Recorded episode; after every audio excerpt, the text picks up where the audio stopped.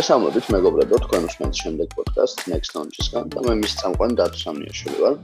დღეს საუბრობთ ისეთ საინტერესო თემაზე, როგორც არის ტრანზისტორები. აა შევხედოთ ტრანზისტორების ისტორიას, თუ როგორ გაჩნდა ისინი, როგორ განვითარდა და რა გამოწვევებია დღეს ამ ხრივ. აა იმიტომ რომ ტრანზისტორები რეალურად რაღაცა რაც ტექნოლოგიებში ფაქტობრივად ყველგან ხდება და ამაზე არის დამოკიდებული მომავალშიც ტექნოლოგიების განვითარება იქნება ეს. ლეპტოპები, კიდეს ტელევიზორები, მანქანები თუ ასე შემდეგ.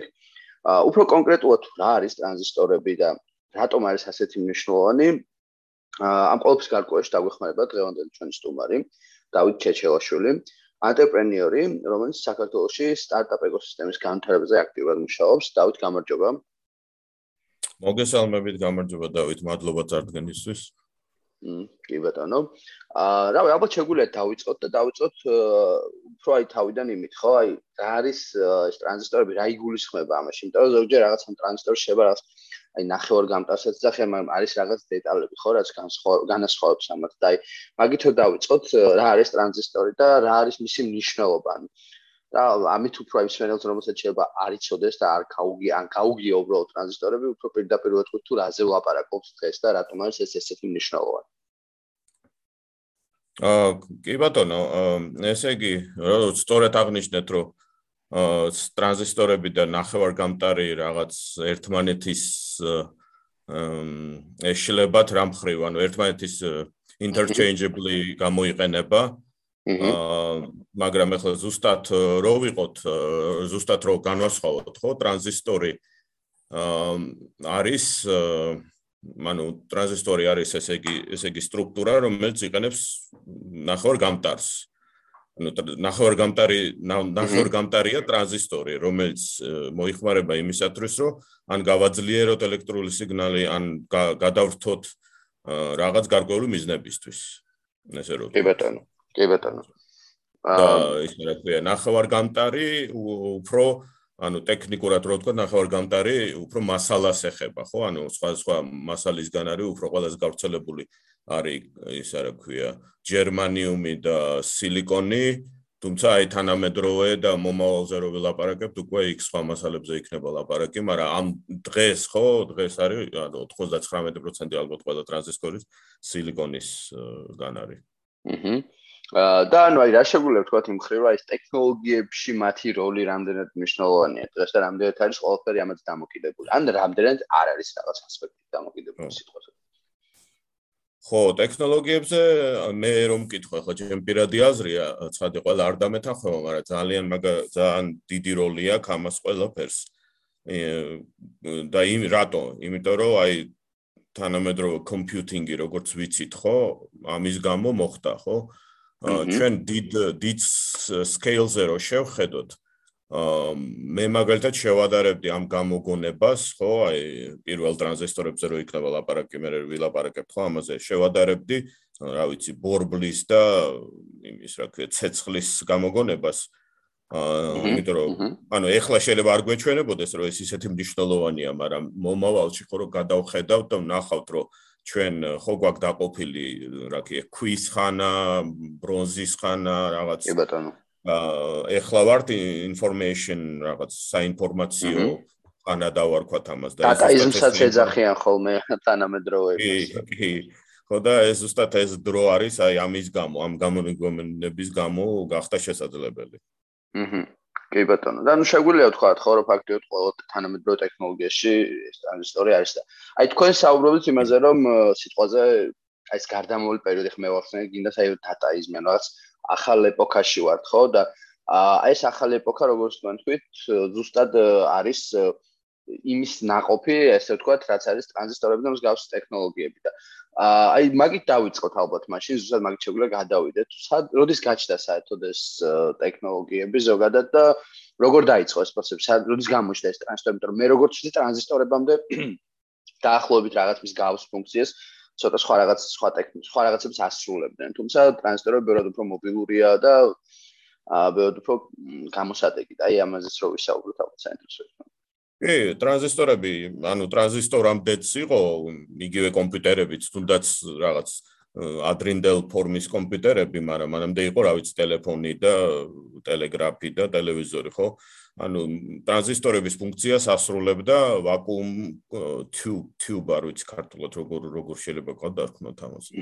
აა ალბათ მილივით რაღაც შეიძლება თქვა. ხო, ვაკუუმის მილი მილზე დაყრდნობილი ტექნოლოგია, რომელიც იყო დაახლოებით გამოგონილი თუ კარგად თუ კარგად მახსოვს 1900 რაღაც წელს. მეორე სოფლიო ომამდე იყო თუ მეორე სოფლიო ომის დაწყებამდე ზუსტად აი კარგად არ მახსოვს ისტორიკოსი არა ვარ მაგრამ მაშინ იყო და ამ ხადია რომ ტრანზისტორმა შეცვალა დრამატულად აი ეს the rules of the game რა რასაც ქვია და ეს ყველაფერი კომპიუტერები რო უფრო პატარები ხდებოდა ნელ-ნელა და ადრე რო ოთახებს იკავებდა ეს კომპიუტერი და ეხლა iPhone-ი რომ იკავია ერთი 10000 ჯერ უფრო მძლავრია ვიდრე ის რაც ეტეოდა ოთახში.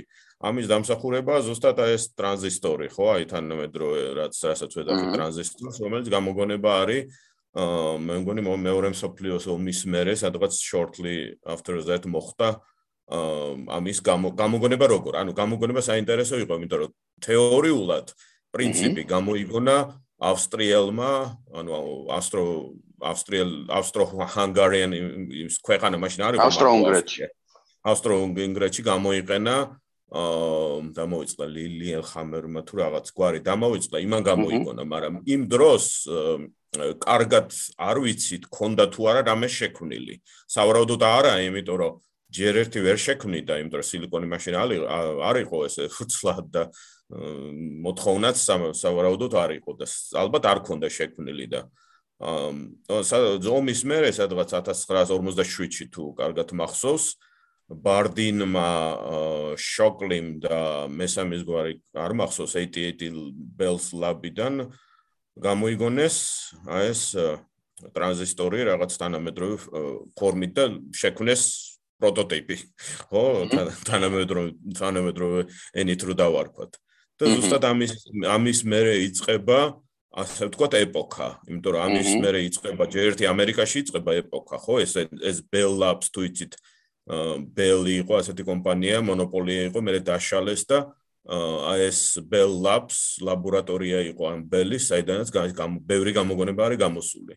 შესაბამისად ეს გამოგონება ეს ძალიან მაგარი ხალხი იქ რომ მუშაობდა ზოგი მიდიოდა გადადიოდა რა ვიცი კალიფორნიაში ზოგი ორეგონში ზოგი სხვა შტატში და იქმნებოდა ეს კომპანიები რომლებიც დღეს ყველამ ვიცით ხო? ინტელი ტექტრონიკი რა ვიცი Texas Instruments Fairfield Fairfield Semiconductors რის მე ინტელი იყო ხო? აჰა და ეს აი ზუსტად ეს ერის აი ეპოქის დაწყება ზუსტად აქედან მოდის რა და silicon valley-ს სახელით ხო შეიძლება ყველა მარიცოდეს ეს silicon valley-ს სახელით ზუსტად აქედან მოდის იმიტომ რომ ტრანზისტორებში ყველა რაც თქვი ხო ყველაზე ვცლად გამოიყენება silicon-ი და ამის გამო დაარქვა silicon valley silicon-ი. აჰა. კი ბატონო.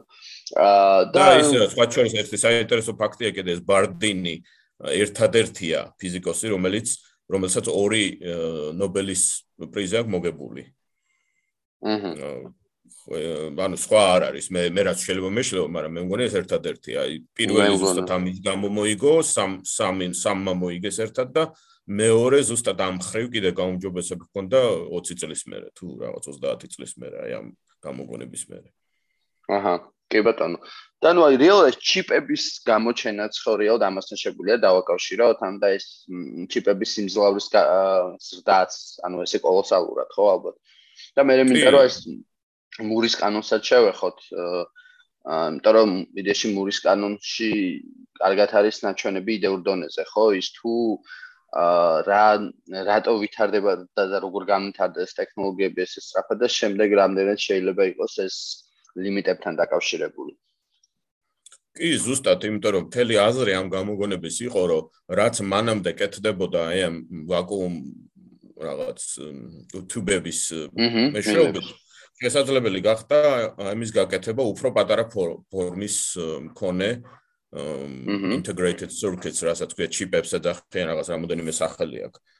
და შესაბამისად ამას ამას აი ამან დაიწყო ეს ყველაფერი, იმიტომ რომ ამის შედეგად ის fair fairfield electronics რასაც fairchild semiconductors რასაც ქვია ხო კომპანიას. Fairchild semiconductor დაარსა შვიდმა თუ 8 ადამიანმა რომელიც აი ამ ამ ლაბორატორიის უფროსი რომელიც იყო რო ვახსენე შოკლი ხო?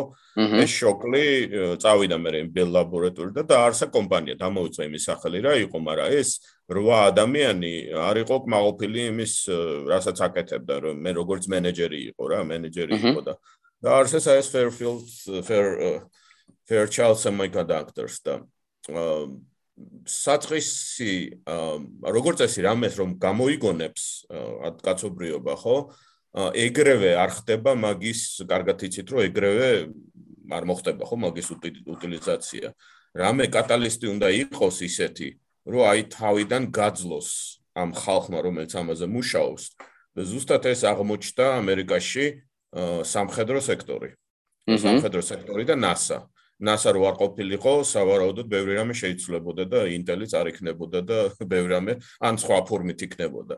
და ზუსტად აი NASA-ს ხარჯზე რომელიც თავიდან ყიდულობდა, რა ვიცი 80%-ს ამ ჩიპსეტების, რასაც აკეთებდნენ, აი ეს 8 ინჟინერი, ზუსტად ამის ხარჯზე გააძლო ამ კომპანიამ და მე რო გაძლო, რო გავიდა დრო, მე ეს დაპატარება შეეხო ბევრ ასპექტს, ანუ კომპიუტერებიდან დაწყებული რა ვიცი მაცივრებით და ყველაფრით ყველა ელექტრონიკა რაც არის ყველაფრით დამთავრებული და შესაბამისად ჩვენ ახლა ხედავთ რომ ეს რამოდენიმე კომპანიის მაგივრად ჩვენ რომელიც semiconductor-ებს აკეთ რომელიც ჩიპსეტებს ამზადებს და რომელიც ყველა ამერიკაში იყო. ახლა ჩვენ გვაქვს ესეთ სიტუაცია რომ ამერიკაში არის მხოლოდ ერთი კომპანია და დანარჩენი კომპანიები არიან აზიაში, ხო?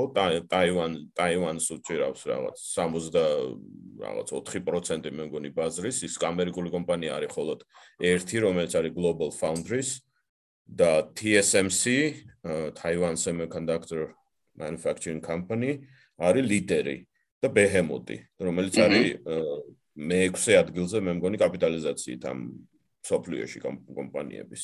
და ზუსტად აი ამან გამონაპირობა რომ მოთხოვნა გაიზარდა ექსპონენციულ ექსპონენციულად ალბო აჰა ამაზე უკეთ უფრო უფრო მაგარი სიტყვა თუ არის რამე არ ვიცი მაგრამ ექსპონენციურად დაუშვა კი ბატონო. აა და ნუ შემდეგ იყო ეს აი ეს მური როგორც ვახსენეთ და რომელიც იდეაში ამ საქმეში იყო ჩართული ხო თვითონაც მუშაობდა.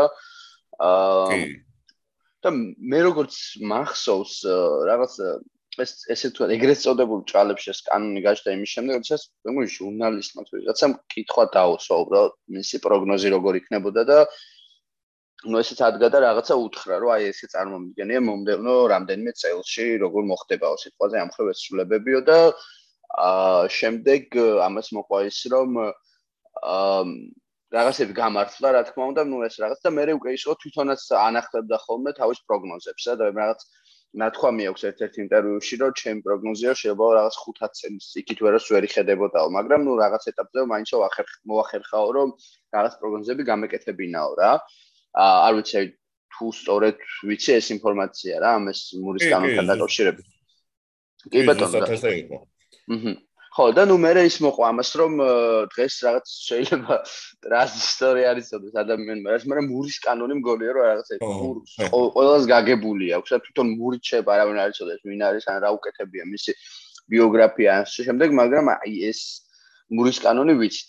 და ეს მურის კანონიც რომ ავხსნათ აი უფრო დეტალურად რა არის ეს მურის კანონი და რამდენად შეიძლება მან მართლაც ძალიან მალე ამოწუროს თავ იმიტომ რომ მე როცა ამ ინფორმაციას ვეცნობოდი პრობლემა არის სერიოზული იმ ხრივ რომ აი მსმენელისთვისაც რო უფრო გასაგებად ავხსნათ ალბათ აი ესე რომ ვთქვათ აა ეს ტრანზისტორები ხო ან თავარ ნიშნობა რა არის ხო? მან რაც უფრო ზომაში პატარავდება უფრო მეტი შეგიძლია განათავსო პირობითაც ჩიპზე იქნება სადაც იქნება და აა უფრო ძლავრი ხდება ტექნოლოგიები ამ. მაგრამ ეხა პრობლემა არის რომ ზომებში იმდენად დაპატარავებულია უკვე რომ ფაქტიურად კვანტურ დონეზე გადავდივართ და აქ უკვე მე შეიძლება კვანტურ ეფექტებმა გამოიჩინოს თავი და ასე შემდეგ ასე შემდეგ და სადღაც ეს ლიმიტი მიაღწევს თავის რაღაცა პიქს და იმის იქით შეიძლება ვეღარ მოხდეს ამის დაპატარება შესაძლებლობს გავსი ტექნოლოგიების განვითარება. აი რაღაც მე ესე მესმის და რამდენად სწორედ მესმის ეს და ეს თემა თუ შეგვიძლია რომ განვავრცოთ. ხო, ზუსტად ესეა, ანუ მურის კანონი ფაქტიურად ბევრს ვისაც გაუგია, რატომღაც ფორმულა გონია და რატომღაც გონია აი კანონები რო არის, ხო, ფიზიკის და იმის კანონები არა და ეს არის როგორც სწორად თქვი, ჩვეულებრივი prediction-ი. ანუ იწებოდა ეს ყველაფერი, როგორც ახსენეთ თქვენ, მური უბრალოდ არ მახსოვს ეს ამ 8 ინჟინერის ნაწილი იყო თავიდან თუ არა, მე მგონი არა, მაგრამ ყოველ შემთხვევაში ძალიან ახლო ადამიანი იყო რობერტ ნოისთან, რომელიც ერთ-ერთი იყო აქედან.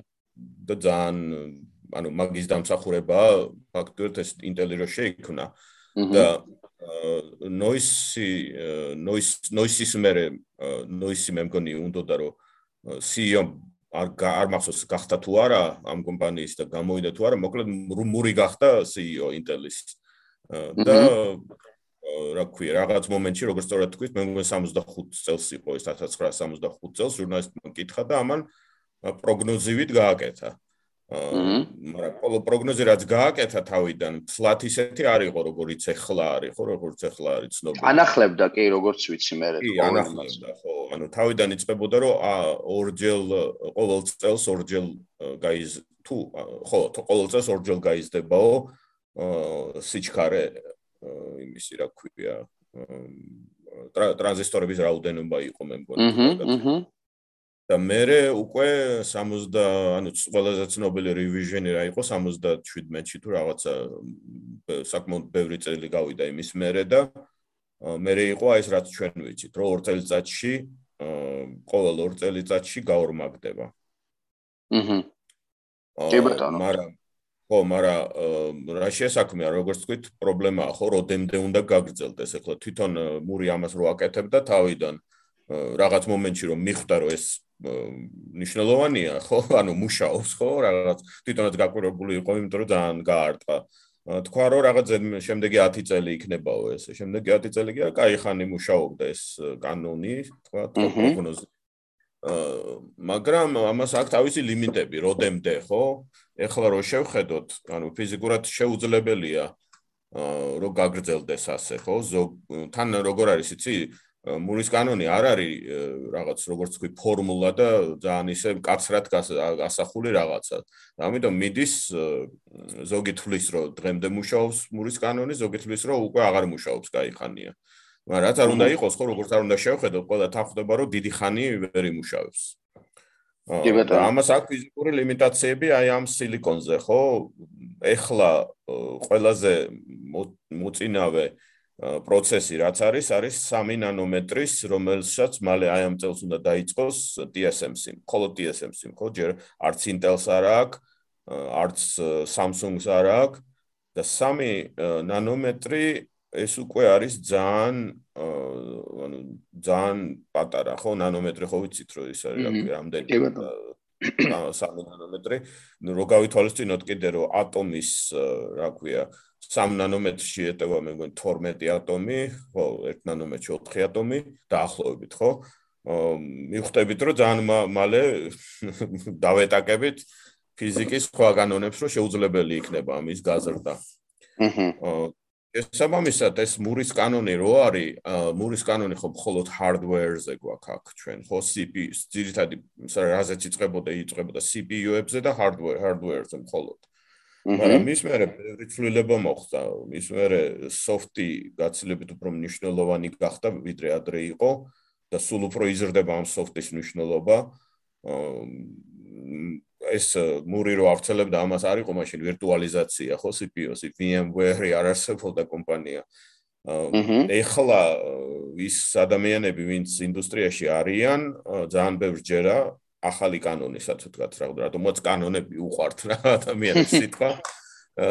NVIDIA-ს პრეზიდენტი რო არის ჯენსენ ჰიუანგი, მაგან თქვა, რომ ეხლა ეს ყველაფერი კაია, მაგრამ ხელოვნური ინტელექტში ძალიან დიდ განვითარებებს არ ითვალისწინებს. განსაკუთრებით deep learning-მა რაც მოახდინა ხო ხელოვნურ ინტელექტზე და ხელოვნური ინტელექტისთვის ძალიან მნიშვნელოვანია CPU-ს გარდა GPU კიდე, ხო? GPU უფრო მნიშვნელოვანია ხელოვნური ინტელექტისთვის და აი ეს advancement-ი, ანუ Huang-მა როდის შენიშნა, ხო?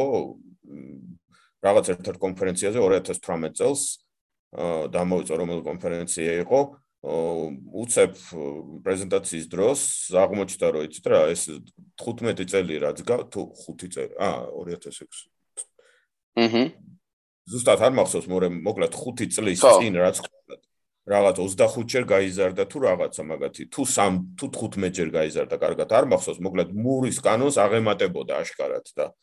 აი იმის მერე ეს აღნიშნა ხუანგმა და აღნიშნა რატო იყო ამის შესაძლებლობა იმიტომ რომ Nvidia-ს რაღაც შერწყმა აქვს უნიკალური ამ soft-ის და hard-ის და ამის გამო შეუძლია უფრო მეტი მოგება მოიტანოს ვიდრე აი მანამდე მურის კანონი რო იყო და ძალიან ბევრ ხალხს ჯერა რომ ეხლა ჩვენ გვაქვს Yuang-ის კანონი რომ რომელიც უფრო მნიშვნელოვანია და მურის კანონი უკვე დამთავრდა ხო? მაგის რელევანტურობა თუმცა ზოგი თulis მურის კანონი რო არ ყოფილიყო Yuang-ის Yuang-ის ადიქნებოდა და Nvidia-ს ადიქნებოდაო ეს მართლა. აა ანუ რეალურად შეგვიძლია ვთქვათ რომ ეს მურის კანონის სიტყვაზე სრულდება და ანუ არის ალტერნატივები, რითაც შეგვიძლია ვთქვათ, რომ ეს გავსი ტექნოლოგია, ზოგადად ტექნოლოგიები გააგრძელებს ამ კონცეფციის განვითარებას სიტყვაზე, აი რაღაც. კი, ახლა ზუსტად ცხადია, რომ ანუ ეს არის ძალიან ისეთი arguable მომენტი, რომ მურის კანონი ზუსტად ესე როგორც თქვა გაგრძელდება თუ არა, მაგრამ ამას რომ მოვეშვათ ცოტა, ხო? აქ უკვე ლაპარაკია ტრანზისტორები ისეთ ფორმაში, როგორც დღეს ჩვენ ვიცით, რამდენი ხანი იქნება, ხო? და ეს ტრანზისტორები მე ყოველ შემთხვევაში ვფიქრობ, რომ კაი ხანი გვექნება. კიდე გააგრძელებს, ანუ გინდას დაპატარავებას რომ შესაძლებელია? ხო, ან დაპატარავდებ, არა, დაპატარავებას, დაპატარავებას თავისი ლიმიტი ექნება, ხო? ანუ სამის მერე მე მაგალითად ვერ წარმომიდგე, ანუ ლიმიტი როგორ ახლა სამის ნაკლები, ხო, 3 ნანომეტრის ნაკლები სავარაუდოდ არ იქნება. მაგრამ აქ უკვე ლაპარაკია, რომ გარდა იმისა, უკვე ტრანზისტორები ადრე იყო ორგანზომილებიანი, ასე ვთქვათ, plain, ხო? და სამგანზომილებით სამგანზომილებაც ემატება უკვე ყაიხანია. და შესაბამისად ამ ხრივ ახლა არ არის აუცილებელი რომ სამ იმაზე ვილაპარაკოთ და ბევრიც აკრიტიკებს ამ ერთ ერთ განზომილებას რო ეძახიან ხო 3 ნანომეტრი და რაღაცა და უფრო ითვლიან რაღაც სხვა ფორმულებით რაც არის density ხო density ნანომეტრი ამით კი განვითარება იქნება და კაიხანი გვექნება ეს ტრანზისტორები როგორც ჩვენ უყურებთ ახლა. აა მაგრამ ამის პარალელურად ვითარდება სხვა ტექნოლოგიები, ხო, მომავლის ტექნოლოგიები, რომელიც არის აი ეს კარბონ ისინი ნანოთუბები, რომელიც კვანტუმ კომპიუტერებში გამოიყენება სავარაუდოდ, მომავალში გამოიყენება ეხლა არა, მაგრამ მომავალში. აჰა. კიდე არის რა გვაქვს ის გრაფინი, ხო, გრაფინიც, ანუ სილი გრაფინი შეცვლის სილიკონს. რაღაც მომენტში, ეხლა არ არის ზათლად, მაგრამ რაღაც მომენტში იქნება, იმიტომ რომ გრაფინი აბსოლუტურად იგივეს გვაძლევს, რაც სილიკონი გვაძლევს, უბრალოდ უკეთესობა რა, ну გაცილებით თავისი property-ით, თვისებებით, ხო, გაცილებით ჯობია სილიკონს ამ ამ ამ იმაში რა ქვია, ამ მიმართულებით. და ამიტომ ეხლა ტრანზისტორი იქნება სილიკონზე თუ იქნება გრაფინზე, ეს უკვე ტერმინოლოგია ისეთია, რომ შეიძლება არც განასხვაო, არ განასხვაოს ადამიანმა, ხო? ამიტომ ჩვენ თუ ვთვლით, რომ ეპოქის დამთავრება იქნება, რომ სილიკონი შეიცვლება გრაფინით, კი ბატონო, მაშინ დავიჯერებ, რომ ეს შეიძლება მალე იყოს, მაგრამ ტრანზისტორი როგორც ტრანზისტორი სახელი მალე არ დამთავრდება, იმიტომ რომ მე არის გრაფინი, პრინციპში ახლა კარბონ ტიუბებითაც რა ტკეცდება, ისიც ტრანზისტორია, ხო, პრინციპით. აჰა. და კიდე არის black phosphorus, ასე თქვა, რომელიც თუ აღმოჩნდა, რომ შავი ფოსფორი, ხო, ალბათ ქართულად იგებნება. შავი ფოსფორი, შავ ფოსფორზე დაკნობილი ტრანზისტორები, თუ შავ ფოსფორს არა აქვს ისეთი ცუდი თვისება, რაც თეთრ ფოსფორს აქვს, რაც დამაზიანებელია რა, ეს თეთრ poisonous არის, არ ვიცი როგორ არის, ხო, მომწამლელი. მომწამლელია, ხო, თეთრი ფოსფორი არის მომწამლებელი, შავი ფოსფორი კარგად არიციან ჯერ და შესაბამისად, თუ აღმოჩნდა, რომ არ არის მომწამლელი, მაშინ დიდი დიდი მომავალი აქვს შავ ფოსფოროს. ან რამე თუ მოახერხეს, რომ ტრანზისტორში არ იყოს მომწამლელი და რამე თუ დაიშლება ეს ტრანზისტორი, ისე მოხდეს, რომ ეფექტი არ კონდეს მომწამლელი. უბრალოდ ბევრი ტექნოლოგიებია, რომლებიც აი ამას შეცვლის, თვითონ ნახევარგამტარი რისგან იქნება, მაგრამ თვითონ ტრანზისტორის კონცეფტს არ შეცვლის. ტრანზისტორები გვექნება კიდე кайხანი.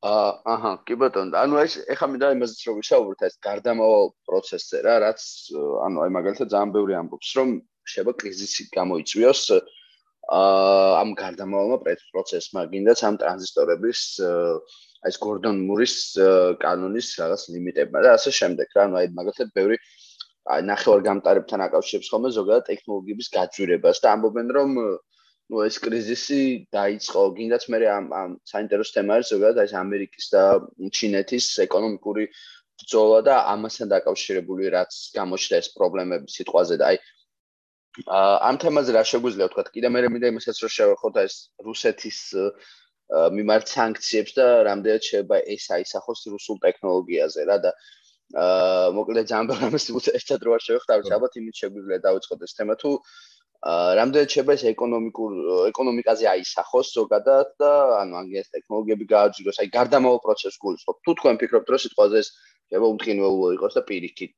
რაღაც ახალი რაღაცები როგორც ხა ახსენეთ, მალევე გამოჩნდება და იქ შეიძლება დაიბუსტოს უფრო ინდაც პროგრესი ამ ხრივ. როგორ როგორ ფიქრობთ? ო, ანუ თუ ჩვენ გვაქვს გარდამავალ იმაზე რომ ვილაპარაკოთ, მე ვთვლი რომ ანუ წარსულში როგორ იყო ყოველთვის ეს გარდამავალი პერიოდი უმტკინველოდ მიდიოდა. აი იგივე იგივე ვაკუუმ ტუბები რო ავიღოთ, ხო? ვაკუუმ ტუბები როგორ შეცვალა ამ ტრანზისტორებმა როგორც სილიკონმა, ხო? ეხლა ეს რაღაც დიდი ბრე ისინი რა ქვია, კრიზისები და რაღაცები არ მოხოლია ამას რა, რაღაც თავისით შეიცვალა. კი. და ეხლაც ამას ველოდები რა, იმიტომ რომ ეხლა ჩვენ რო გვაქვს ლაპარაკი ამაზე, ეხლა ტექნოლოგიები, მომავლის ტექნოლოგიები რაც ჩამოთვალე, უკვე მუშაობს კონკრეტულად იმაში რა ქვია რაღაც სპეციფიკურ ნიშებში მუშაობს ეს კარბონ ტუბები და ისე რა ქვია აა რა ქვია ბლე შავი ფოსფორი და აჰა ია რა რა რა იყო კიდე? მესამე დამოწმა აა არა უშავს დაგვახსენდება საუბარს. ხო დაგვახსენდება. გრაფინი ხო გრაფინის ტრანსფერი უკვე უკვე გამოიყენება და შესაბამისად დახვეწა ასეთი ტექნოლოგიების ხდება ხოლმე დროის განმავლობაში და მაგალითად იგივე ისინი რა ქვია ტრანზისტორები რო გამოიყენებოდა 1947 წლიდან როცა პირველი პროტოტიპი შექმნეს 1900 რა ვიცი 58 თუ 60 წლამდე თვალით ხო რომ შევხედოთ ვინც არის შიგნით რა ხდებოდა რას იტყვის შეიძლება თქვას რომ იცით რა კრიზისი იყო და რაფერი არ ხდებოდა. არაფერი კი არ ხდებოდა ნენელ აი ამ NASA-ს და military-ს ხარჯზე ცხოვრობდა ეს და ვითარდებოდა ეს ტექნოლოგია მე რემ ზათ იყო უკვე მასიურ იმაზე რა ქვია სკეილისთვის როგორც წესი არის რამოდენიმე რაღაცა რის ხარჯზე აი ესეთი ახალი ტექნოლოგიები რა ქვია ცხოვრობს სანამ არ გახდება არ მომწიწდება სიტუაცია ხო? ეს ეს არის ძირითადად სამხედრო ეს არის აი ეს NASA ხო, ისას კოსმოსის SpaceX-ი. და ეს არის თუ თუ კონტენტზე და იმაზე ლაპარაკი პორნი, ხო? იმიტომ რომ პორნი დიდი დიდი რაღაც ბევრ ტექნოლოგია გაკაჩა თავისი იმით, რა ქვია, პორნი რო არ ყოფილიყო, არ არ იქნებოდა ბევრი ტექნოლოგია. ხო და ესეთ რაღაცებზე ცხოვრობს ხოლმე ეს ახალი ტექნოლოგიები და მე მზად არის როგორც წესი საჭირო დროს. ამიტომ კრიზისი არ ველოდები. თქვენ რო ახსენეთ კრიზისიო, მე კარგად ვერ გავიგე კრიზისი ამას გულისხმობდით თუ აი ლოჯისტიკური კრიზისი რო გვაქვს კოვიდის მერე. ია იდეაში ორივე გულისხმობდი, ანუ ერთი ეს რაც ახლა თქვენ უპასუხეთ და მეორე აი ამ ხრივადაც შეგვიძლია შევხვდეთ ეს ლოჯისტიკური კრიზისი რაც კოვიდმა გააჩინა და აა მე იყო ეს აი ნახევარგამტარების პრობლემაც ხო იყო რეალურად აი ბოლო წლებში რა, გინდა ჩარშან და აა მაგან გააჩინა რაღაც სიტყვაზე რაღაც ტექნოლოგიებზე, ანუ აი მაგალითად მანქანების წარმოებას მე რა ინფორმაციას მაქვს სერიოზული პრობლემები შეექმნა მაგ მხრივაც რა. აა და აი ამაზე რა შეგვიძლია ვთქვა, აი მაინტერესებს. მოდით ერთად ვილაპარაკოთ ამ სამივეზე, იმიტომ რომ ძალიან ერთად ძალიან ძალიან დაკავშირებულია. ხო, დაკავშირებულია. ანუ ეს არის კოვიდის მერე ლოჯისტიკური კრიზისი, ეს არის ამერიკის და ჩინეთის კრიზისი, ხო, ტრამპ ტრამპის მერე რო იყო და ეს არის ომი, აი ახლა რუსეთს უკრაინას ომი რომ მიდის. აჰა. ანუ ყველაფერი დაიწყო კოვიდით, ხო? კოვიდის რო რო გავიმეორე რა მოხდა, ხო? კოვიდი რო პირველად რაღაც გავიგეთ კოვიდზე. აა რაღაც უცებ კომპანიებს ეგონათ, რომ ამდენ რაღაც პროდუქტს აღარ შევა, ანუ ყველა დაიწყებდა კრიზისი იქნებოდა ფინანსური და ყველა დაიწყებდა რაღაც ფულის შენახვას, დაზოგვას, როგორც ხდება ხოლმე ამ კრიზისის კრიზისების დროს. აჰა. რეალობა ძალიან მალე გვიჩვენა, რომ რა რა მოხდა, ანუ ადამიანები ხალხში რაჩნდნენ, ბევრი რაღაც ამერიკის თავრობა, ევროპის თავრობები ეხმარებოდნენ მატერიალურად, ანუ ჩეკები და რაღაცები იყო. შესაბამისად ადამიანები იმის მაგრად რომ რაღაც სეივინგების გაკეთება დაიწყოთ, დაიწყო ამ ფულის ხარჯვა და ნუ ასე იგი სახშია ჩაკეტილი ადამიანები ვერც კინოთეატრში ვერ დად ვერს ვერ გადის და შესაბამისად დაიწყეს შეკვეთა ამ ტელევიზორების, რა ვიცი, ბევრი დევაის და მოთხოვნა გაიზარდა. და მოთხოვნა რომ გაიზარდა ეს კოვიდმა გარდა იმი გარდა ამისა ხო მოშალა ლოჯისტიკა. ანუ ლოჯისტიკა უკვე ისედაც მოშლილი იყო და ამას დაემატა კიდე აი ის რომ გაიჭედა სუეცის კანალში ეგვიპტეში რომ გაიჭედა სამი თვე რო იყო გაჭედილი ის გეგმა გეგმა დღემდე არის ლოს-ანჯელეს და იმას რომ ლონგ-ბიჩის სპორტს რო დახედოთ. რიგია ბოლოს რო ვიყავი ლოს-ანჯელეს ლონგ-ბიჩში იყო 50 გემი იყო იქ რიგში იდგნენ ელოდებოდნენ სანამ განტვირთავდნენ ხო გემებს. ამას ემატება კიდე რომ აი labor market-თან დაკავშირებით რა ხდება ზუსტად კაცმა არიცის ჯერ რაღაც ფენომენი ხდება რომ ძნელია ამ labor-ის და შესაბამისად ძღოლები იგივე რომ დაცალო ანუ მუშახელი რომ დაცალონ ეს კონტეინერები ჭირს არა და ყველა უმუშევრობას ელოდებოდა და ეს მოშლილი სიტუაცია რო ნახეს კომპანიებმა აი ამ fabless კომპანიები რაც არიან ხო ძირითადად Apple, Nvidia, AMD ევინა Qualcomm-ი, ვისაც ანუ fabless ქვია, ვისაც არა აქვს აი ამ chips chipset-ებს თვითონ კი არ აკეთებენ, სხვა კომპანიები უკეთებენ chipset-ებს. სხვა კომპანიები ნიჭავს ძირითადად აი ამ კომპანიებს ვინ ჩამოთვალეს ძირითადად TSMC უდიდესი რაც არის, ხო? შესაბამისად ამ კომპანიებმა დაიწყეს შეკვეთების გაზრდას, რომ დააგროვონ ეს ინვენტორი. ნუ არა არა ისახოს მაგათ მომხარებელზე. ამათმა რომ გაზარდეს TSMC-თვის ცხადია პრიორიტეტია ეს მომხარებლები, ამათ კი გაუზარდეს, მაგრამ ხუებს ხუები თუ დღეში ჩავარდნენ. და ეს პირველად დაეთყვა აი ამ car manufacturers ხო? მანქანის ყიდვა თუ გინდა ან რაღაც ნაწილის ყიდვა თუ გინდა შესაბამისად ბევრი ტრანს ბევრი ჩიპსეტებია მანქანებში ხო? თანამედროვე მანქანებში. უნდა ელოდო ყველაც აქ ალბათ ეს ისტორიები რამდენს ელოდნენ და მე გადავიდა PS5 PS-ებზე PlayStation-ებზე და ტელევიზორებზე და მაცივრებზე და ასე შემდეგ. აჰა ეს იყო ისტორია ამ კოვიდთან დაკავშირებით. კი ბატონო ხო და აი საერთო იმაზე ხო რა შეგვიძლია ხო და ჩინეთი ხო ეხლა ხო მე ამას დაემატა აი ეს სანქციები სანქციები კი არა ესა ამერიკას და ჩინეთს შორის რომ მოხდა ანუ ძირითადად აქ ეფექტი ეხლა დიდი ამაზე არ იყო უბრალოდ ერთი მომენტი რო იყო რომ ჩინური კომპანია ერთ-ერთი რომელიც მეოთხეა ხო ამ მარკეტ საიზით რომელსაც ქვია SMIC, SMIC, მოხდა ამ ამ იმაში, რა ქვია, მოკლედ ამერიკაში აიგრძალა პროდუქციის შემოყვანა. სანქციებში. სანქციებში, ხო, ასე ვთქვათ. ეხლა რო შევხედოთ აქ დიდ სურათს, ეს მაინც და მაინც დიდი პრობლემა არ იყო, მაგრამ ხო იცი როგორ არის აქ პატარ-პატარა პრობლემები რო ემატება, უკვე ჯამში რაღაც მნიშვნელოვანი რაღაცაა, თორე ეს SMIC რაც არის, ბევრი მაინც არ შემოაქვს, ანუ ძირითადად მაინც TSMC არის TSMC-ს აქვს 54% ბაზრის. მეორე არის Samsung-ი 17%, მერე მოდის უკვე UMC, რომელიც ტაივანურია კიდე და Global Foundries ამერიკული 7% და მხოლოდ მე-6-ია ეს CMIC ჩინური. ამ სიაში კიდე ერთი ჩინურია მხოლოდ რომელსაც 1% უკავია და დანარჩენები არიან ტაივანურები, კიდე ერთი ჩინურია, ორი ჩინურია, ბოდიში, ორი ჩინური 1%-ით და ტაივანი და ისრაელიდან და დანარჩენს 5% უკავია. მოკლედ ჩინეთს არ უჭირავს აქ დიდი მნიშვნელოვანი წილი რაღაც აქ. ძირითადად ყველაფერი ტაივანზე ხდება. და შესაბამისად ამან დიდათ არ მოქმედა, მაგრამ რაღაცა იყო. ეხლა ტაივანი საინტერესო ის არის, ხო? ტაივანი, ტაივანი დაახლოებით ისეთ სიტუაციაშია, როგორც არის უკრაინა. ხო? ანუ უკრაინას კი, კი, რუს ჩინეთის მხრივ.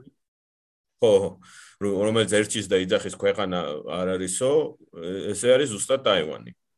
მაგრამ ტაივანს უკრაინასგან განსხვავებით აქვს ეს TSMC. TSMC-ის ფაქტურად გახდა მაგათი ასე ვთქვათ, შილდი რა, როგორ არის ქართულად? ფარი. ფარი, ხო. ფარი და რატო? ერთის მხრივ ამერიკა შემჯდარია, ხო? ახლა TSMC რო გაქრეს, ამერიკას ძალიან ცუდ დღეში იქნება. მეორე მხრივ თვითონ ჩინეთიც არის ამაზე დამოკიდებული, ხო? იმიტომ რომ ჩინეთი რო შემოვიდეს და რაღაც ტაივანი დაბომბოს მაგალითად, ეს ქარხნებიც ხო დაიბომბება და ესე ხო ესე ხო გააკეთებენ რაღაცა დაბომბო, რაღაცა არა. თან მით უმეტეს ეს ქარხნები არის ზუსტად აი ჩინეთის ტაივანი ხო იცით კუნძულია და ტაივანი კუნძული ის რომელიც ჩინეთს უყურებს იქ არის ძირითადად ეს ქარხნები და შესაბამისად ჩინეთმა ესეც რო დაკარგოს ჩინეთისთვის ცუდი იქნება მოკლედ ხალხს რო ეშინია რომ ჩინეთი ახლა ტაივანს დაიხსნა მე რაღაც არ ამგონია ესე რომ მოხდეს. მაგრამ ახლა ამერიკას ესმის ეს რომ დამოკიდებული ძალიან არ უნდა იყოს სხვა ქვეყნებზე და ძალიან ცდილობს რომ აი ბოლო რაღაც ერთ წელიწადში announcement იყო TSMC ორ ქარხანას აშენებს არიზონაში Intel-ი აშენებს ერთს მე მგონი არიზონაში მეც თუ არა და Samsung-ი აშენებს იმაში ტექსასში და შესაბამისად ცდილობს ამერიკა რომ აი ეს foundry რაც არის ხო აი წარმოება ჩიპსეტების თავისთვის რაღაც ნაწილი რომ თავის საკუთარი თავი დააკმაყოფილოს გაჩნდეს. იგივე საკეთებს ევროპა. აჰა. აა და აი ამის ფონზე კიდე საუკე საინტერესო არის სიტყვაზე რუსეთი რამდენად არის დამოკიდებული ამ ტექნოლოგიებზე. თვითონ თვით წარმოება რამდენად გააჩნია და აი რამდენად შეიძლება რომ ამ სანქციებმა ეს რუსეთის ტექნოლოგიები რაღაც ზონაზე გაყინოს, ან ამან დაარტყას რუსეთის ტექნოლოგიების სიტყვაზე და ან რა შეიძლება რუსებისთვის გამოსავალი იყოს ამ ხო, რუსეთში ახლა ასეთი ხო, ასეთი სიტუაცია ტელევიზიას რო უყუროთ რუსეთის, თქვენ გეგონებათ, რომ ყველაფერს რუსეთი აწარმოებს თვითონ. სინამდვილე იმაშია, რომ რუსეთი არაფერს არ აწარმოებს, უკეთეს შემთხვევაში ეს ასემბლი ხდება რუსეთში და აი ეს ყველა სამხედრო ქარხანა რაც აქვს, ხო? ცხადია დამოკიდებულია ჩიპსეტებზე. მაგრამ რაშია საქმე ახლა თქვენ იტყვით რომ აი ჩინეთი არის და რუსეთი მაინც გადარჩება იმიტომ რომ ჩინეთი უშველის. საქმე იმაში რომ სამხედრო ტექნოლოგიებში ძირითადად გამოიყენება აი ეს ახალი თანამედროვე ყველაზე პატარა ხო 3 5 და 3 ნანომეტრის პროცესი დამზადებული ჩიპსეტები და ესეთები ყველა არის ყველა კი არა აი ხოლო TSMC-ია, რომელსაც აქვს და რომელიც რომელიც წელს იწყებს ამ სამს და ხუთი აქვს TSMC-ს და Samsung ხოლოდ. ჩინელებს ეს არა აქვთ. და ზუსტად ეს არის ამის შედეგი, რომ ეს რაღაც ქარხნები რო აქვთ რაკეტებს და იმეებს რო აკეთებენ, გაჩერებულია ახლა რუსეთის. ამის სანქციები ამ ხრივ მუშაობს. აჰა. და სავარაუდოდ ვერაულიან, იმიტომ რომ ახლა ტაივანი არასოდეს არ მიყიდის. ჩინეთი თუ რამეს მოახერხებს, რომ TSMC-სგან იყიდოს და რაღაც ისა მოაძროს და დააწეროს ეს ჩვენია და მიყიდოს, ესეც არ ამგონია, იმიტომ რომ ეს მარტივად შეიძლება ამის შემოწმება და მე რო გამოჩდება, მე TSMC იტყვის საიდან, ხო? ამიტომ ეს სანქციები შეეხება რუსეთს. აა და რუსეთი კარგ დღეში არ არის. ნუ პრინციპში კაია ეს, იმიტომ რომ სამხედროს შეეხება ყველა ვარიანტი. ახლა რაღაც ჩვეულებრივი ტექნიკა არის რომელიც ჩინეთის ჩიპსეტებზეც იმუშავებს და ჩინეთმა თუ გადაწყვიტა რომ არ მიუერთდეს ამას და მიყიდოს კი რუსეთი ამით ისარგებლებს ხადია მაგრამ აი სამხედროში ზუსტად რაც ყველაზე მნიშვნელოვანი რაც არის იმაში დაერხება რუსეთს. მეორე მომენტია ხო. საინტერესო მომენტი. უკრაინი აქ უკვე უკრაინის მომენტია.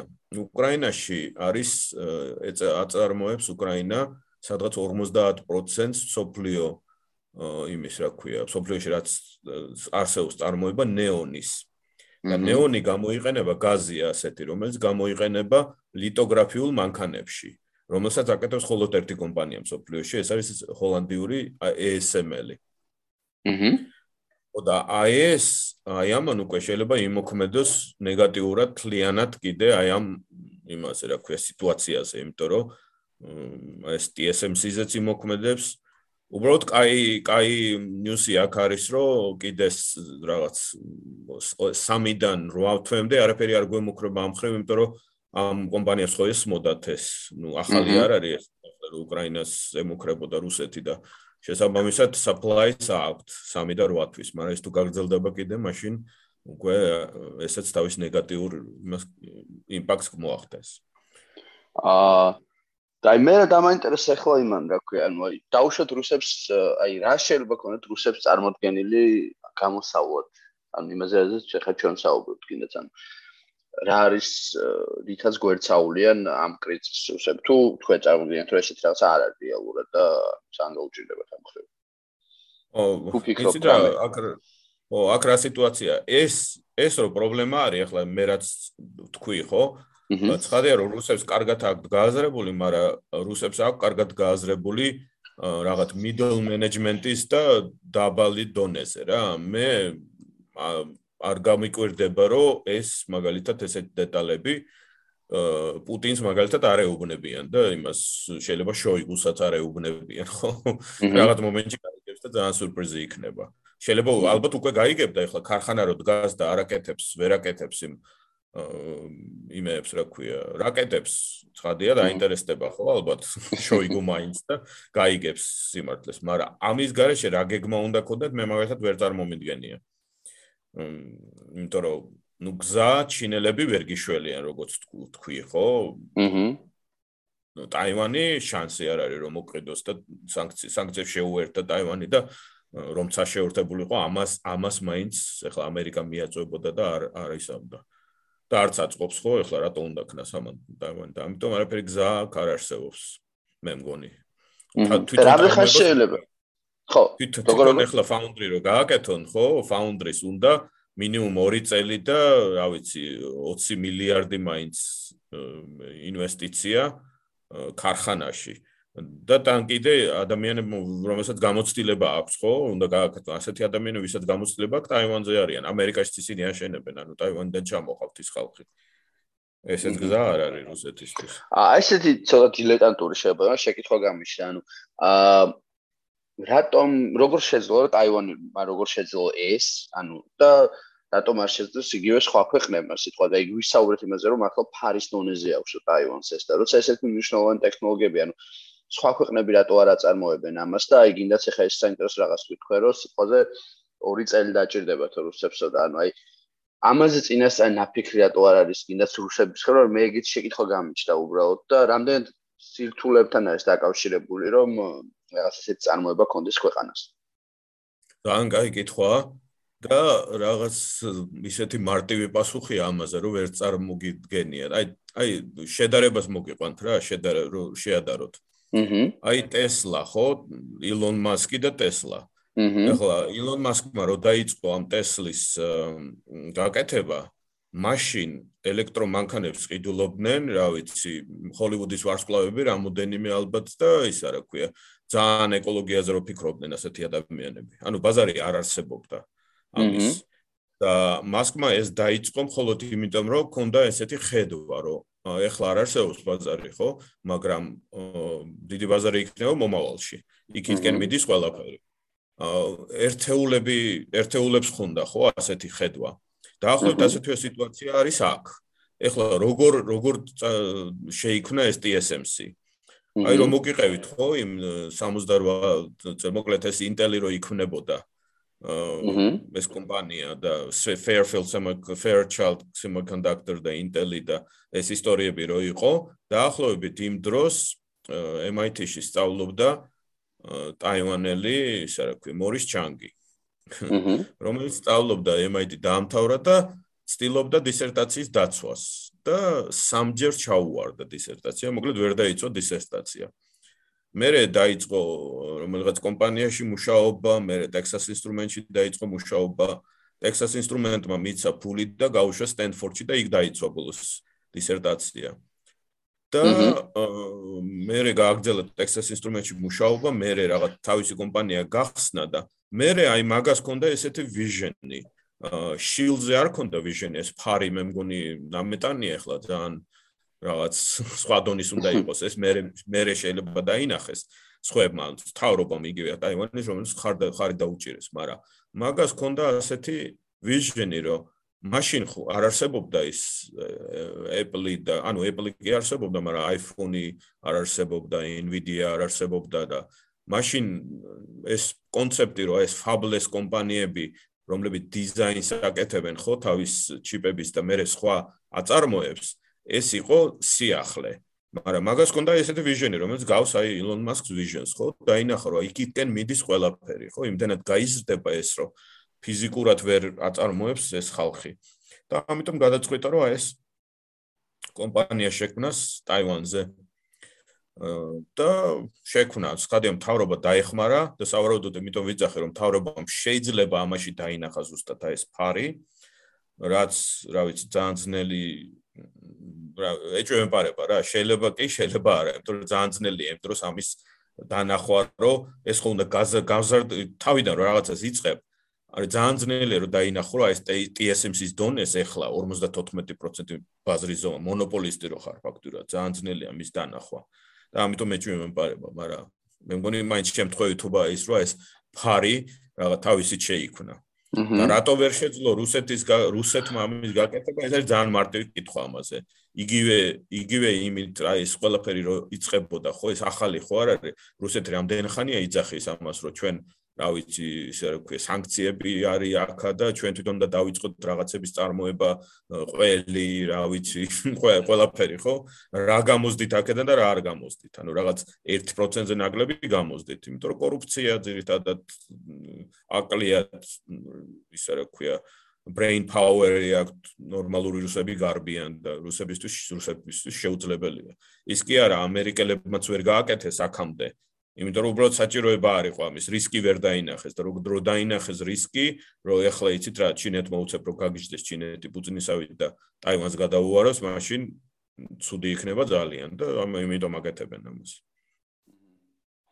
ანუ ესე იგი ესე მარტივიც არ არის ხო? შეიძლება ითქვას ძალიან ძნელი ძალიან ძნელია ხო? იმიტომ აი ქარხნის გახსნა 2 წელი უნდა და ვერ ვერ იმას იცავ. თან ესეთ ქარხნებია ეს რომ ანუ ძნელია სიტყვებით ახსნა რა ისეთი დაბეჭდება რამდენიმეჯერ ნამყოფი ვარ ამ Samsung-ის და TSMC-ის ქარხნებში და აი ჩვეულებრივი clean room-ები ხო იცით? აი წარმოება რო ხდება ხო? აი ამ რაღაც consumer electronics. იმასთან შედარებით ერთი რა ვიცი 10000 ჯერ უფრო sophisticated არის ის. თვითონ ის მანქანები ლითოგრაფიული მანქანები ეს წყალი ხო როგორ ანუ წყალი ბევრი წყალი ჭირდება ამას ამ წარმოებას და ну შესაბამისად წყალი პრობლემაა და ამიტომ ამათმა გამოიგონეს ის რომ წყალი რისაიკლინგი ხდება რა 95% წყლის რისაიკლინგი ხდება და ეს სისტემები სადაც რისაიკლინგი ხდება ამ წყლის არის ისეთი რომ ალბათ იქიდან რა პატენტები რაც არის შეიძლება მე რაღაც მომენტში აღმოჩნდეს რომ ზღვის წყლის ზღვის წყლიდან მარილიანი წყლიდან ჩვეულებრივი წყლის სასმელი წყლის მიღება შესაძლებელი გახდა ამის გამო, იმიტომ რომ აი გამოიგონეს რაღაც ტექნოლოგია, რომელიც რომელიც მე კომერციალიზაცია მოხდება ამ სფეროში. მე ძალიან შტამბიჭდავია ეს ქარხნები. და ძალიან დიდი ის ინვესტიცია ჭირდება და შესაბამისად თავიდან თავრობამ ძალიან დაეხმარა MTSMC-ს. კი ბატონო.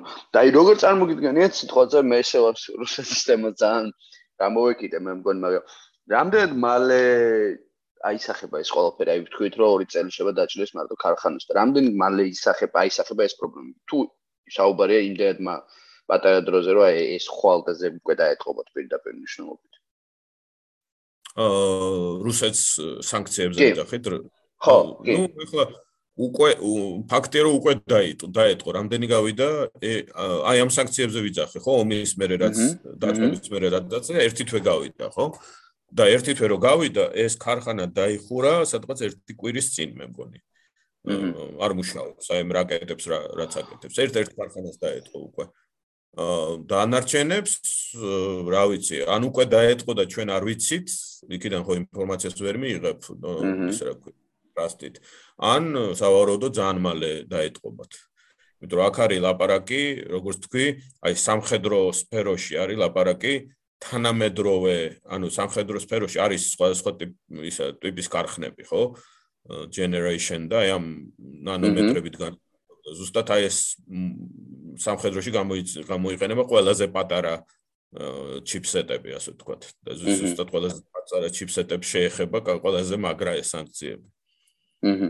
საყოფაცხოვრებო აი ჩაიდნები რო აწარმოოს რუსეთმა და რაღაც უცებ მოახერხოს აი ჩაიდნების და რა ვიცი სარეცხი მანქანის წარმოება არ გამიკვირდება, იმიტომ რომ იქ ისეთი sophisticated chipset-ები არ არის, მაგრამ სამხედრო კი.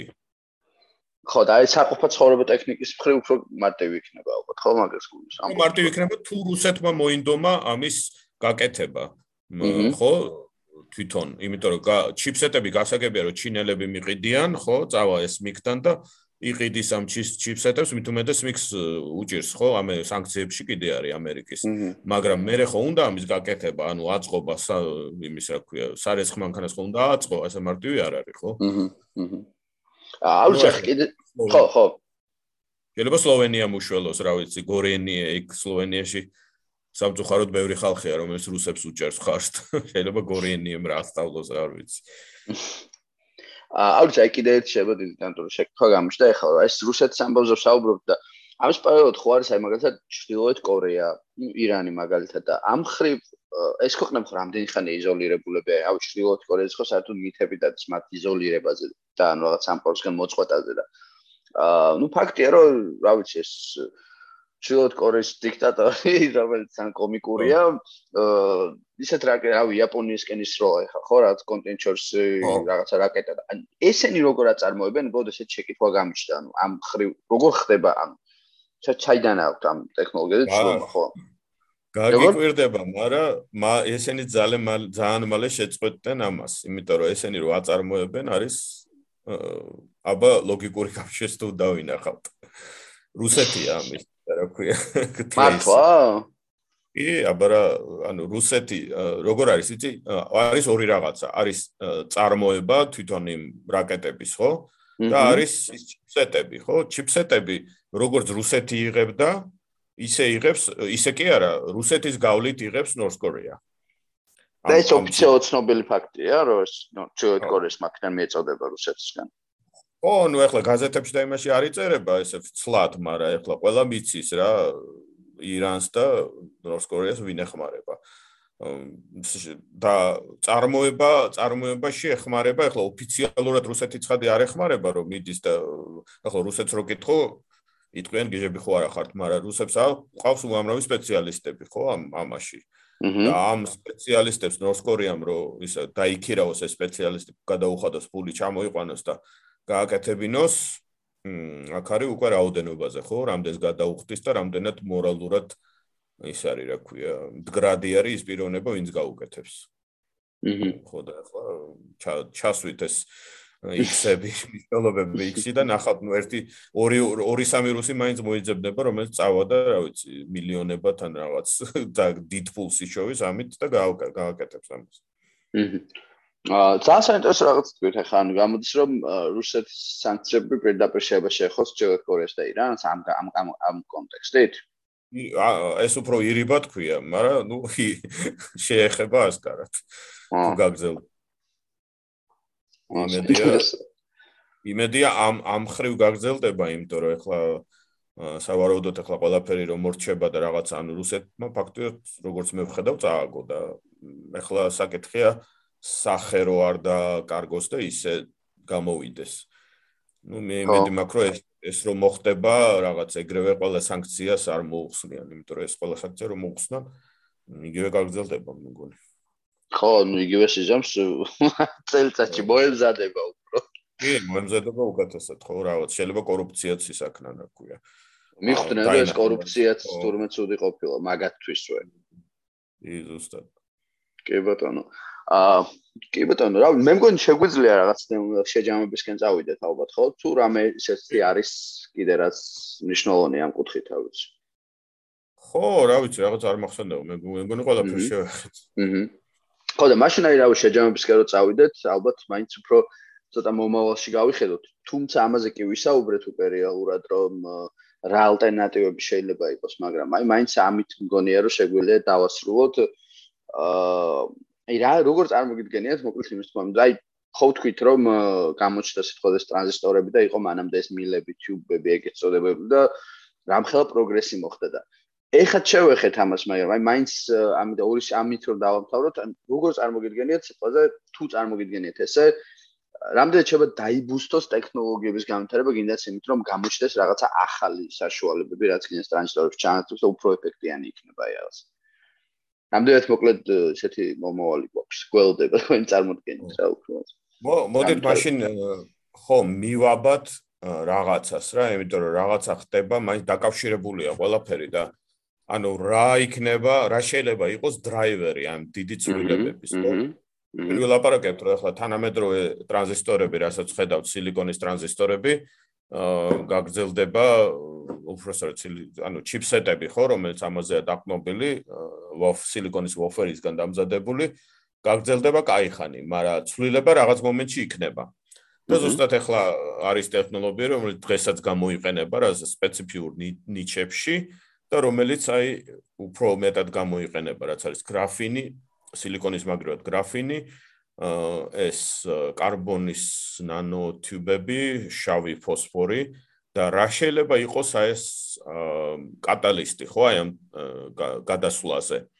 მე რაც ნელია ესე მომავალზე ლაპარაკი, მაგრამ მე ვთვლი, რომ მხოლოდ ერთ რამეს ხედავ, რა რა შეიძლება და ეს ერთი რამე არის quantum computing-ი. აჰა, აჰა. გაგიგიათ ხო quantum computing-ი? კი ბატონო. ყოება ხო quantum computing-ს და იმაში რა ქვია, ჩვეულებრივ კომპიუტერი ახსენებს. აა ის არის რომ კიდე ერთი state-ი ემატება ხო? 0 და 1-დან განსხვავებით კიდე არის state-ი. ამ ის რა ქვია state of bits და შესაბამისად უფრო მეტი ჭირდება აი ამ quantum computers რო გამოვიდეს კომერციული quantum კომპიუტერი უფრო მეტი დაჭირდება უფრო სწრაფი იქნება უფრო შესაბამისად ენერგიის პრობლემა და გადა იმის რა ქვია overheating პრობლემები აი ეს ყველაფერი იქნება გაცილებით უფრო ეფექტური აი ამ მომავლის ტექნოლოგიების გამოყენებით. რადგან ახლა კომპიუტერი არ არსებობს რამოდენიმე მხოლოდ და რაღაც პროტოტიპების დონეზეა, შესაბამისად სიტუაცია აი ამ აი ამ ხარის არის დაახლოებით იგივე რაც იყო 1900 რა ვიცი 56 წელს, ხო, როცა ეს ახალი იყო ეს ტრანზისტორები, silicon based ტრანზისტორები და არც ისე მარტივი იყო იქიდან დანახვა მომავლის, ხო? ბოლოს და ბოლოს IBM-მა თქვა, თუ ვიღაცამ ხო IBM-ის CEO-მ თქვა რა რა რა პერსონალური კომპიუტერები, რის პერსონალური კომპიუტერებიო, რა ნუ მაგიდაზე ყველას კონდეს კომპიუტერი სისულელეაო და ასეთ დონეზე შეიძლება ჩვენც ვიყოთ და არ გვესმოდეს როგორ იქნება ეს ცვლილება შესაძლებელი. მაგრამ მე ანუ ჩემ პროგნოზით დაახლოებით, რა ვიცი, ერთი 20 წელი, 30 წელი ალბათ აღჭირდება ეს რომ quantum კომპიუტერები უკვე მასიურად იყოს გამოშვებული. თუმცა არ გამიკვირდება თუ შემეშალა და უფრო მალე მოხდეს ეს ყველაფერი, იმიტომ რომ ისა speed-ი ტექნოლოგიების ცვლილების სიჩქარე ნაკლები ხდება. იმასთან შე ნაკლები კი არა, უფრო უფრო იზრდება სიჩქარე ვიდრე ადრე იყო, ხო? კი, კი, ნამდვილად. გაზრდილია ეგ ძალიან და თან უცები ცვლება ხოლმე ეს რაღაცები ხარ.